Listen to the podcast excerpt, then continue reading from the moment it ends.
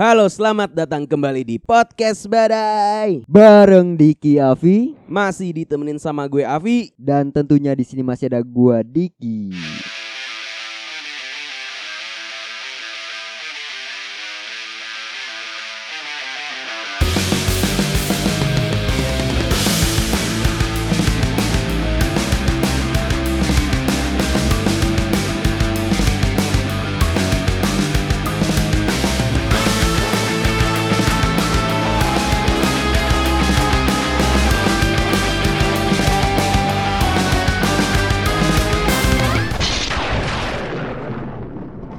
Kalau minggu kemarin Diki yang bersedih, minggu ini gue yang bersedih, Pak. Kenapa tuh memang ya? Karena di dunia sepak bola lagi-lagi ada ulah polisi yang represif, Pak. Di mana tuh? Di Argentina.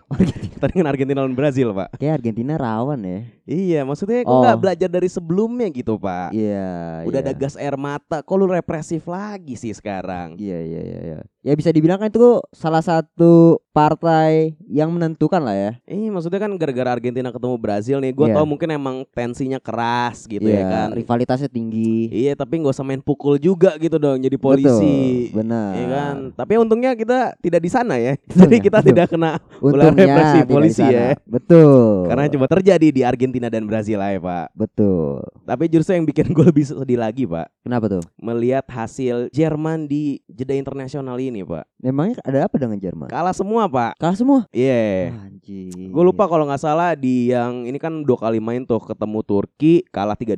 Mm-mm. Terus sama Austria kalah 2-0, Pak. Pelatihnya sekarang siapa sih dia? Sekarang diganti kan kemarin Hansi Flick ganti sama Julian Nagelsmann. Oh iya iya. Anjing Pak, gue pikir kayak gila nih kalau Jerman gak gara-gara tuan rumah di Euro, kayaknya Iya. nggak lolos nih Pak Jerman Pak. Apa mungkin gara-gara transisi mungkin ya? Makanya itu sulit beradaptasi kali pemain-pemainnya juga dengan taktiknya mungkin. Nggak tahu ya, apa mungkin karena emang lu udah tahu lolos makanya lagi coba-coba gitu ya. Iya coba-coba main baru ya. Iya, soalnya kalau lihat di line up ya Pak, kayak Havertz yang bisa jadi di gelandang serang atau striker gitu, ditaruh jadi back kiri Pak. Oh iya. Lu bayangin. Oh, anjrit. itu bener dieksplor banget tuh berarti ya. Gila, gila. Gila. Terus Nagelsmann tuh naro si Kai Havertz di back kiri gitu. Hmm. Nah yang bikin kocaknya lagi Pak, pas kemarin lawan Austria tuh si Leroy Sané emosian Pak, kartu merah dia. Anjing. Jadi gue baca habis kayak salah satu artikel gitu ya, alasan Iya. kenapa Sané sampai kayak kebawa emosi lah gitu. Mm-mm. Karena dia tuh frustasi Pak, gara-gara performa pas lawan Turki tuh udah kayak jelek banget gitu. Oh ya. Makanya kepancing emosi sampai dorong pemain Austria gitu. Kartu merah kira dia. Itu. Yang mungkin yang biasa dia ngacak-ngacak pertahanan lawan, akhirnya dia Iya. frustasi nggak bisa, ya akhirnya emosi kali ya. Emosi kesel, jadi akhirnya dorong lawannya set kartu merah dan itu jadi kartu merah pertamanya dia Sepanjang karir ya. sepanjang karir. Gila? Gila, gila, gila, gila. Tapi memang ya bisa dibilang itulah ya salah satu mungkin tantangan atau eh, bisa dibilang hal yang tersulit ya dari seorang entah itu striker, entah itu seorang sayap kiri, ya adalah itu Jaga emosi gitu Ya, ya. Pertama ya jaga emosi yang kedua konsisten dengan penampilannya gitu. Iya, Karena gitu. kan memang apabila dia tidak konsisten dengan penampilannya, ya kemungkinan besar dia akan bisa digeser lah. Iya, padahal kalau di klub di Bayern menurut gua gacor loh musim ini Sane gitu. Total berapa gol? Gue lupa, tapi semenjak Tapi di termasuk top skor gak dia? Ah, gue lupa, tapi maksudnya semenjak dipegang Tuchel dia mulai sering golin. Oh iya iya iya. iya. Tapi sebenarnya gini ya, karena ngelihat Sane dari dulu gitu ya, dari zaman-zaman di City sampai Iya. akhir pindah ke Munchen gitu ya. Betul. Sebenarnya gue penasaran nih, ada nggak sih maksudnya kayak klub yang pengen ngelirik dia? Kalau gue jujur gara-gara fans Madrid gitu dik ya, ya sebenarnya pengen aja gitu ada Sane gitu di tim gue di Madrid gitu Ah. kan. Tapi nggak tahu maksudnya kenapa nggak ada rumor-rumor transfer tentang Sane gitu kan? Kemarin kalau gue lihat terakhir sih si Iya. Sane itu diincar sama Liverpool. Oh Liverpool pak ya? Iya, Wah anjing kalau misalnya kejadian benar-benar sangar nih lini depannya Liverpool nih. betul. Ya kan ada Nunes, Jota, Salah, Luis Diaz, buset terus ditambah Sane tuh. Betul. Mungkin ya si Sane ini penggantinya dari si Mane, Pak. Hmm. Mungkin ya. Dan tapi kan mereka sempat main juga waktu di Munchen Sane sama Mane gitu. Kita nggak tahu apakah kalau misalkan dikolaborasikan antara Salah dan Sane ini bisa sebagus antara Salah dan Mane. Bingung juga sih maksudnya Iya. antara Sane yang ngalah main di kiri, soalnya kan posisi natural kalau di Munchen dia main ya? di kanan, iya. Hmm. Tapi pas di City mainnya di kiri dia. Iya, Kayaknya mungkin emang dua-duanya sih bisa gitu ya. iya. Cuma ya layak ditunggu gitu ya kan. Betul. Soalnya kalau rumor transfer yang gue baru dengar ini Pak, si MU yang ngincer Griezmann. Akhirnya ya. Random tuh tiba-tiba Akhirnya. Griezmann tuh. Mungkin karena memang ya bisa dibilang klubnya udah nyadar diri ya. Iya. Perlu ada yang diganti nih pemainnya nih kayaknya. Bener. kayaknya feeling feeling gue ya kalau misalnya emang dia ngincer Griezmann, Ya. kayaknya pengen buat ini pak. Erikson nggak dijadiin gelandang serang ya, tapi dijadiin duet sama Casemiro atau Amrabat. Oh ya, Kayaknya sih feeling feeling gue gitu ya. anjir. Soalnya kalau ngelihat gelandang serang kan pasti udah kemakan lah di Bruno Fernandes atau Mason Mount. gitu apalagi kan. Bruno Fernandes juga sebagai kapten ya. Iya Gitu. gitu. Cuma gue ngerasa kayak Griezmann sih kayak cocok gitu kan. Heeh. Cuma gue ragu gitu. Soalnya gue baca dari twitternya Fabrizio Romano, jurnalis sepak bola ya. Ya, dia bisa dibilang dia kalau misalkan dia mengeluarkan sebuah berita tuh kemungkinan besar bener tuh. Iya valid gitu Iya. kan. Nah si Griezmann tuh udah ngeluarin statement kalau dia cuma mau main buat Atletico doang pak. Iya. Soalnya emang bener-bener Griezmann di Atletico lebih jago sih dibanding dia pas di Barca gitu. Iya benar. Kalau di Barca tuh bisa dibilang dia hampir nggak kelihatan cara mainnya. Iya padahal maksud gue di Prancis menurut gue pas 2022 kemarin jago loh. Pas Nah di itu, Qatar. Ya kan? nggak bisa dibilang salah satu pemain yang ngegendong itulah timnya lah. Iya walaupun ya ketutupan sama Mbappe tapi menurut gua peran dia vital gitu pas Betul. di Pildun kemarin gitu ya kan. Betul. Tapi ya gitu kan bilangnya loyal loyal tapi kan kita nggak tahu tiba-tiba pindah ya kan. Itu benar benar benar benar gitu. Tapi ya itu yang diharapkan mungkin dari fans MU. Kalau seumpama nih, kita ngomong seumpama aja Yes, nih. seandainya ya. Seandainya si Griezmann ini pindah ke MU ya dia bisa loyal lah gitu. Ya. Kalau misalkan pelatihnya itu yang loyal itu ada Ferguson, pemainnya itu ada si Griezmann. gitu. Harapannya ya. Harapannya. Karena pemain MU yang loyal siapa ya? Kayak misalkan Giggs salah satu Ryan pemain Giggs, yang ya. Loyal lah gitu. Ya mungkin dia bisa menjadi sebuah pengganti dari Syrian Giggs ini gitu. Iya, bener Gitu. Tapi memang itulah MU ya bisa bilang sedikit pemain-pemain yang loyal gitu. Seperti mungkin ya Giggs ataupun Scholes gitu. Iya, gitu. iya, iya, iya, iya. Nah sebenarnya kalau misalkan kita ngomongin loyalitas gitu ya dan Manchester United gitu ya. Tadi kita sempat menyinggung soal Alex Ferguson gitu. Heeh. Alex Ferguson tuh bisa dibilang menjadi salah satu pelatih gitu ya yang Ya. katakanlah setia pada klubnya Pak. lumayan deh 27 tahun, Pak, di Nah, MU itu. anjing. Dari sembilan- 1986. Iya, sampai terakhir di 2013. Nah itu kita belum lahir Pi. iya betul. itu belum lahir. Itu jersey-nya kalau nggak salah yang terakhir yang taplak meja ya. 2013 iya, betul. Iya, yang tapak meja 2013 iya. Tapi memang eh, bisa dibilang si Ferguson ini pelatih Hmm. yang tersukses juga. Walaupun setia tapi dia juga membawa MU ya bisa dibilang mencapai kesuksesannya lah. Iya, benar-benar menurut gue yang naikin derajat MU lah kalau kasarnya gitu ya. Betul. Dan sampai sekarang sih menurut gue belum ada sih yang bisa gantiin dia buat naikin sosok MU seperti dia gitu kan. Benar, si Dari- Opa Perji itu ya. Ya dari zamannya Moyes lah, terus Van Gaal, Mourinho, sampai sekarang Ten, Hag gitu ya. Iya, Menurut gue masih belum ada yang se-ikonik itu pak. betul. Bahkan nggak ada yang bisa menyamai ya. Kayak misalnya gini deh. Dulu kita pernah bilang bahwa si Beckham itu karena Hmm. saking disiplinnya si Ferguson, Iya benar. Akhirnya si Beckham disuruh potong rambut. Iya Karena- benar. Potongan rambutnya nyeleneh. Iya. Nah si Ten Hag kan bisa, bisa dibilang juga disiplin. Iya iya iya. Tapi banyak banget pemain-pemain yang konyol sama dia gitu. Malah ngebangkang balik ya. Nah itu Menurut gue mungkin nggak tahu ya apakah auranya tidak se mengintimidasi si Sir Alex atau gimana gitu kan. betul. Cuma maksud gue yang paling menarik gitu ya bukan cuma dia ngusir Beckham tapi dia juga ngusir si Roy Keane pak. Oh ya, Iya tuh gila tuh. Anjir. Do, do itu ternyata berantem juga pak. oh ya. Iya jadi si Sir Alex tuh udah mulai kesel lah sama si Roy Keane karena terlalu kasar gitu ngedidik Hmm. mentalnya. Iya. Jadi di satu sisi dia takut ruang ganti tuh malah dirusak sama si Roy Keane. Oh iya. Tapi fun fact-nya nih pak ya dari eranya Sir Alex Ferguson ada satu pemain yang paling banyak penampilan ya pak Siapa tuh? Ryan Giggs pak Nah itu selain juga setia ya dia salah satu pemain andalan dari Manchester United itu tersendiri gitu. Iya jadi dia total bareng main di MU gitu ya 941 penampilan Anjing gila. di eranya tuh Sir Alex tuh Iya. Berarti itu dia mungkin hampir sebagian besar dari karirnya selalu menjadi pemain inti lah ya. Iya betul harusnya kayak gitu ya. Harusnya. Pa- main terus gitu Iya, soalnya kalau misal kita memperhatikan gitu ya, mungkin para pendengar juga melihat gitu di zamannya Ronaldo pun namanya Giggs itu walaupun sedikit ketutupan tapi nggak Hmm. kalah bersinar lah. Iya. Gitu. menurut gue ya lumayan jago juga sih Jago jago jago. tapi tidak sefenomenal Cristiano Ronaldo gitu menurut gue betul. dan Betul. terhitung setia banget gitu ya jadi do itu di MU sampai 24 tahun pak Wah, anjir, lama banget tuh ya. pensiun di umur 40 anjing Tapi sama ini lamaan mana ya sama Scholes ya? sama Scholes gue gak tau kayaknya harusnya sih Giggs sih Giggs sih harusnya Harusnya Giggs ya? harusnya Giggs gitu Iya, bisa dibilang itu kan era prime-prime-nya MU tuh zamannya Giggs sama Scholes tuh. iya di era itu Giggs sama Scholes tuh ngerasain MU yang treble Betul. itu tuh zaman zaman kejayaan MU itu ada di era-era itu gitu kan Bener. Nah, gelandang-gelandang MU juga bagus-bagus. Gelandang MU, Scholes, Carrick, Michael ya. Carrick ya Ya, terus Hargreaves. iya Tuh, iya itu iya, gelandangnya iya. emang keren-keren banget sih. Tapi Hmm. memang yang paling disorotin banget tuh ya yang dengan Iya. pemain-pemain lawan itu adalah Skulls tuh. Betul pak. Itu. Karena gini pak, gue akhirnya ngerti gitu ya. Ketika menilai Scholes, lu tuh nggak bisa ngeliat dari statistik dia. Hmm. Karena lu mau statistik dia tuh banyak banget orang yang ngelewatin statistik dia dari gol sama assist lah. Banyak Bahkan- yang melampaui lah. Iya, gitu. bahkan Ryan Giggs tuh melebihi dari dia gitu kan. Hmm. Cuma banyak banget tuh dia kayak mendapatkan pujian dari Pep gitu. Hmm. Jadi gue pernah nonton gitu interviewnya Pep, baru banget gue liat di TikTok ya. Ditanya lu milih Gerrard atau Lampard di job Scholes. Anjing. Pilihnya nggak ada di antara dua tuh ya. Lu kayak komen perang badai gitu ya. si nyambung.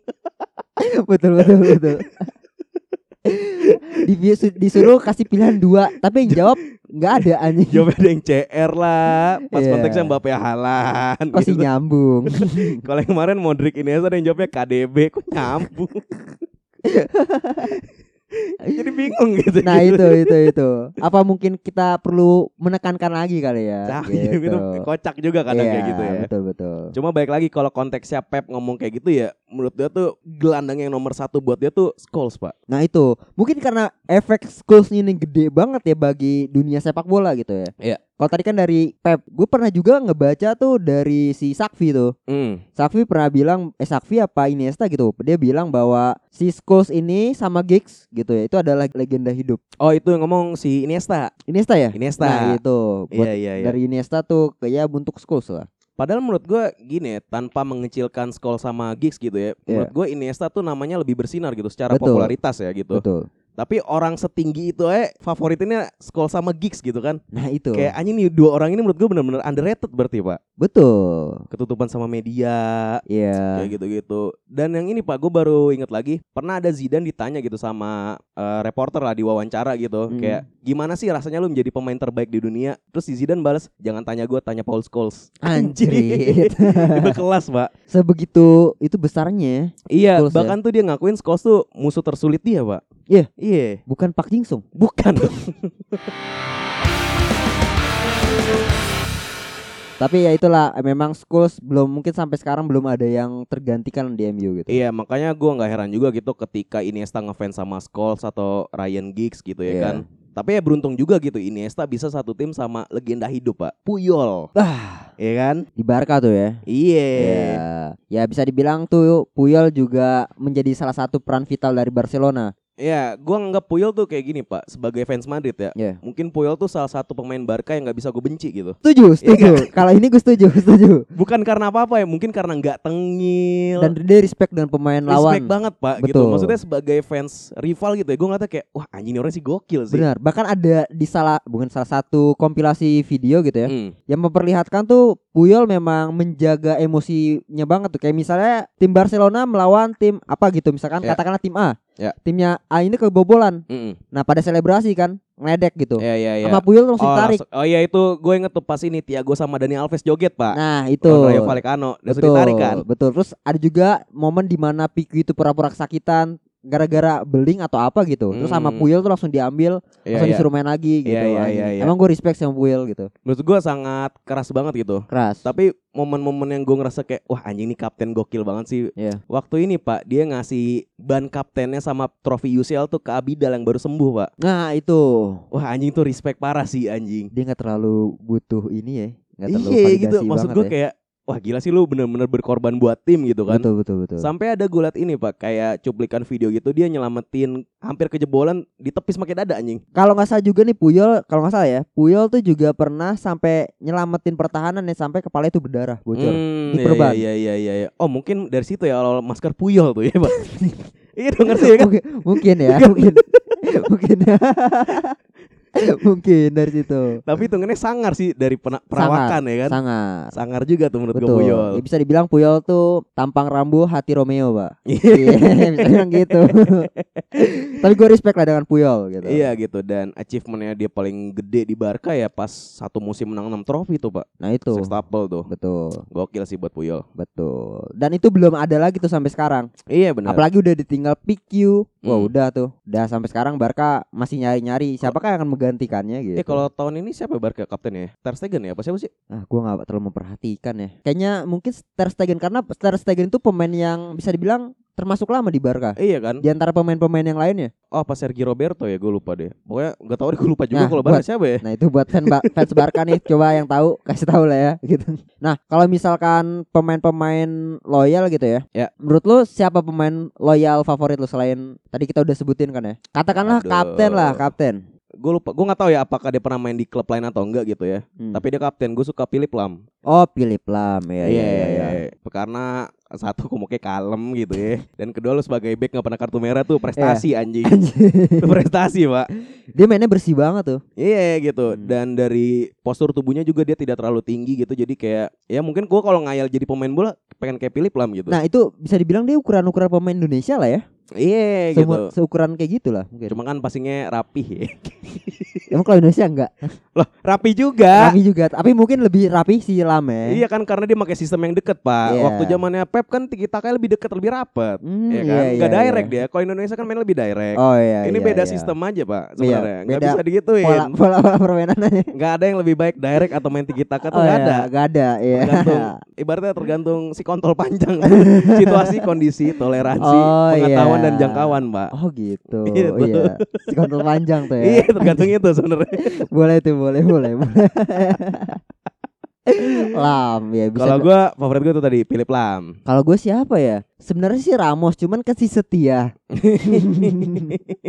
siapa ya? Gue belum ada di klub kapten favorit ya Ramos. Tapi kalau untuk kapten favorit yang setia gitu ya, bingung kayak gitu di antara Puyol sama Maldini. Oh Maldini ya Iya. Pali ya Maldini Pali Bukan dong. oh Maldini yang mana nih gua nggak tahu Maldini ini AC Milan. oh Paulo Maldini Paulo Gitu. yang ini iklannya itu itu juggling basket. anjing Anjir.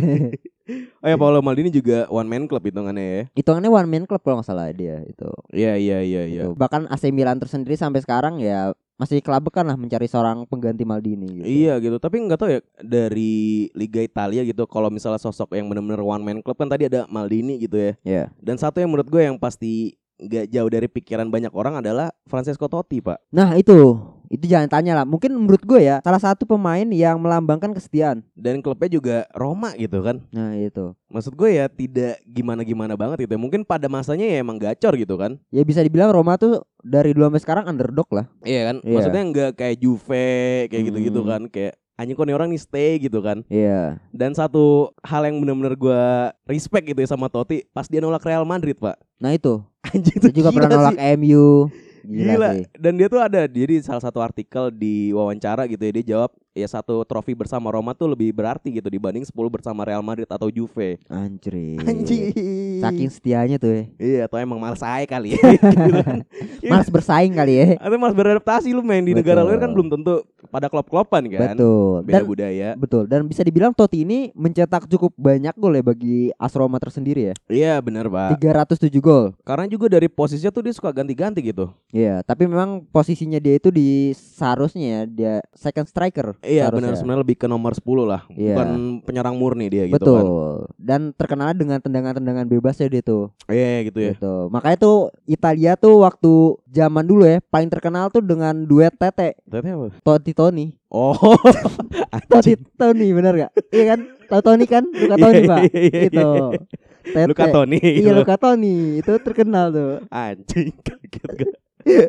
gitu memang ya bisa dibilang itulah Totti uniknya dari Totti itu setia banget ya Iya, tapi kan di 2006 ini kan ya, Doi kan masuk dari Itali kan yang Pildun itu kan. Iya. Nah, itu tuh squadnya tuh berarti siapa aja? Totti, Del Piero. Totti Del Piero Cannavaro Oh, anjing tuh dream team De, juga tuh De ya. Rossi kalau nggak salah Gattuso juga masuk Camoranesi Kiper sama Buffon pasti ya. pasti Buffon Pasti ya. siapa lagi ya Gilardino masuk gak lupa gue tuh Hmm, ya ya Gitu. ya ya. Berarti emang di masanya juga gacor juga gitu iya kan. mm-mm. Tapi ya di luar itu ya, dari sisi dia di dalam lapangan gitu ya. Di luar lapangan Doi itu lumayan apa ya, disorot juga gitu, Pak. gara-gara apa tuh Karena karena hubungan pernikahannya Doi sama bininya gitu. berarti setia juga dia orangnya sama pasangannya Ya bisa dibilang setia sih ya setia, cuma di 2020 kemarin cerai. Biasa covid ya kan. oh, oh, Ekonomi iya. nggak stabil iya biasa. betul betul. Tapi betul. maksudnya tuh dia sering banget disorot. Gue nggak tahu ya, mungkin karena emang image-nya si Totti ini beken banget kali ya di Italia gitu ya. Iya. Sampai tuh dia dianggap gitu ya sama media tuh kayak Beckhamnya Italia gitu. Hmm. Karena ya keluarganya diekspos di tabloid sama majalah gitu-gitu. Hmm. Walaupun pada akhirnya cerai juga gitu di akhir. cukup sedih ya. Ya. Tapi memang kalau misalkan ngomongin pasangan gitu ya Hmm. dengan sepak bola itu banyak banget pesepak pesepak bola tuh yang katakanlah selingkuh gitu ya. Kayak misalkan John Terry. John Terry dan Eh. banyak pemain bola itu yang nggak setia gitu. Hmm. Tapi kalau misalkan ngomongin pemain bola yang setia juga ada kok gitu. Iya. Salah satunya Messi pak. Lionel Messi ya. Betul. Walaupun gue sebagai fans Cristiano Ronaldo, Ya, iya, tapi iya. kalau urusan asmara gue respect sama Messi pak. ya kalau donor darah ke CR ya. kalau Nanda Mangrove ke CR juga sih. Nanda Mangrove. kalau Jagling mah kayak bola api juga ke CR sih gue. eh kalau Messi kan tatuan gak bisa donor. Gak bisa. Oh ya Messi soalnya ini ya benar-benar kisah hubungannya tuh benar-benar menarik pak ya. Betul. Bisa dibilang juga dia hampir setia dengan klubnya kalau nggak ada masalah dengan Barkanya. Iya itu kan karena emang terpaksa ada masalah keuangan gitu kan ya mau nggak mau dia harus cabut gitu. Betul. kan. Dan mungkin para fans Barca juga tidak menyalahkan Messi tapi menyalahkan dari si presidennya itu Presiden. sendiri. Ya, pasti salah presiden lah pak di Presiden- mana kan. yang membuat kebijakan Betul, harusnya kan bisa betul. ngatur keuangan lebih baik. Benar. ya Messi mah tugas main bola doang. Kalau dia nggak golin Betul. baru diprotes. Betul. ya kan? Gitu, tapi ya itulah uniknya dari Messi adalah kesetiaannya bersama Antonella. Iya. Dia udah dari umur 6 tahun gitu. Berarti masih kelas 1 SD itu pak. Mungkin ya, mungkin pokoknya dari, dari kecil satu lah. SD tuh. Satu SD mungkin ya. 6 tahun tuh satu SD. Ya, koreksi kalau salah. Pokoknya dari kecil banget lah tuh. Hmm. Itu dan ya, bisa dibilang Antonellanya tersendiri juga setia sama Messi gitu. Iya benar-benar kayak udah saling klop gitu Betul. ya kan. Nah itu yang menjadi pertanyaan gue kan Berarti kalau di umur 6 tahun ya Mungkin masih tahun 90-an kali ya Iya. 90 atau 80-an gitu ya Hmm. Nah di saat itu kan momen di mana ada Messi pindah ke Barcelona pak betul. Nah itu gimana tuh Keep kontaknya ya kan Antar satu sama lain Kalau nggak salah juga ada sebenarnya ada ya namanya hubungan lah up and down ya. Iya Gitu. iya Mungkin ya ada perselisihan tapi nggak sampai putus mungkin ya. Kalau salah gue baca di sebuah artikel ada pengorbanan Messi ya terkait dengan hubungan jarak jauh itu. Oh Kayak gitu iya lah. iya iya Mm-mm. Jadi kan benar-benar LDRan juga ya kan Betul. Dan mungkin ya karena Antonella juga setia ya belum ada yang bisa menggantikan Messi di hatinya gitu. Nah yang menariknya gini ya Sebenarnya kan Messi itu kan udah gacor lah gitu Pas debut di Barca gitu kan Betul. Messi emang gacor banget sih di Barca gitu. Iya kan Maksudnya saking gacornya lu tuh Lu harusnya nyari cewek tuh gampang pak Nah, itu. Ya kan lu bisa nyari cewek-cewek Katalunya Nah, iya gitu ya kan. Tapi lu milih setia sama cewek lu yang masih di Argentina gitu Nah, kan itu gokilnya Messi tuh setianya tuh gokil banget ya. Maksudnya gak nutup kemungkinan Misalnya gue di umur Messi yang masih 15 tahun 17 tahun Di Barca gacor Gue gak mungkin ini nungguin yang di sini gitu kan Iya gak? Gacor. Itu kan sifat manusiawi Iya. kan sebenarnya Nah, Cuma dia bisa menahan hawa nafsunya Terus buat tetap setia sama Antonella gitu iya, ya kan sama satu wanita lah yang dicintai gitu. Iya dari gitu. kecil. Betul Sampai pada akhirnya di 2017 Mereka menikah dan punya tiga anak. Iya, si Tiago Iya terus sama siapa lagi tuh gue lupa nama anak. Pokoknya nama belakangnya ada Messi semua tuh Iya. Beban juga tuh buat anak-anaknya Nah, tuh itu benar benar benar. Gak bisa kalau nggak jadi pemain bola tuh Betul. anak-anaknya tuh. Anjir. Dan anjir. itu juga patut ditunggu tuh nanti. oh iya benar. Iya kan? Iya iya. Apakah iya. jago bapaknya? Ya, itu Gitu. tuh yang berat tuh ya Iya, sebenarnya. berat berat Pak, berat. Menurut gue sih kagak sih, gak bakal jago sih. Kayaknya ya, kayaknya. Tapi dari tiga masih yang nggak ada satu gitu. ya satu dokter gigi lah ya paling. Maksudnya kalau nggak jago olahraga beban tuh, nggak usah jago bola dan nggak jago Iya. olahraga, lu ada nama Messi, wah Iya, anjing betul, kurang betul, nih kan. betul, betul. Sampai kemarin tuh waktu Messi juara Piala Dunia, Ya. Anak sama istrinya tuh dibawa tuh. Oh iya iya. ya iya, iya. berfoto gitu. Iyalah anjing. Gitu. Terus ada perbandingan tuh Messi dulu yang belum jadi apa-apa sama Antonella sama sekarang anjir. Wah anjing tuh Tuh gokil parah sih. efek kesetiaan gitu ya. Kesetiaannya gokil parah Messi. Berarti zaman-zaman dia masih gembel gitu Iya ya. Messi masih belum punya apa-apa lah. Masih belum punya apa-apa, masih zaman dia minta cepek dulu tuh ya. Cepet dulu anjing. Masih samponya diisi pakai air. Samponya Emeron. Apa sunslick? yang kalau habis dibuang di ini taruh di Iya, ventilasi aja. Tahu.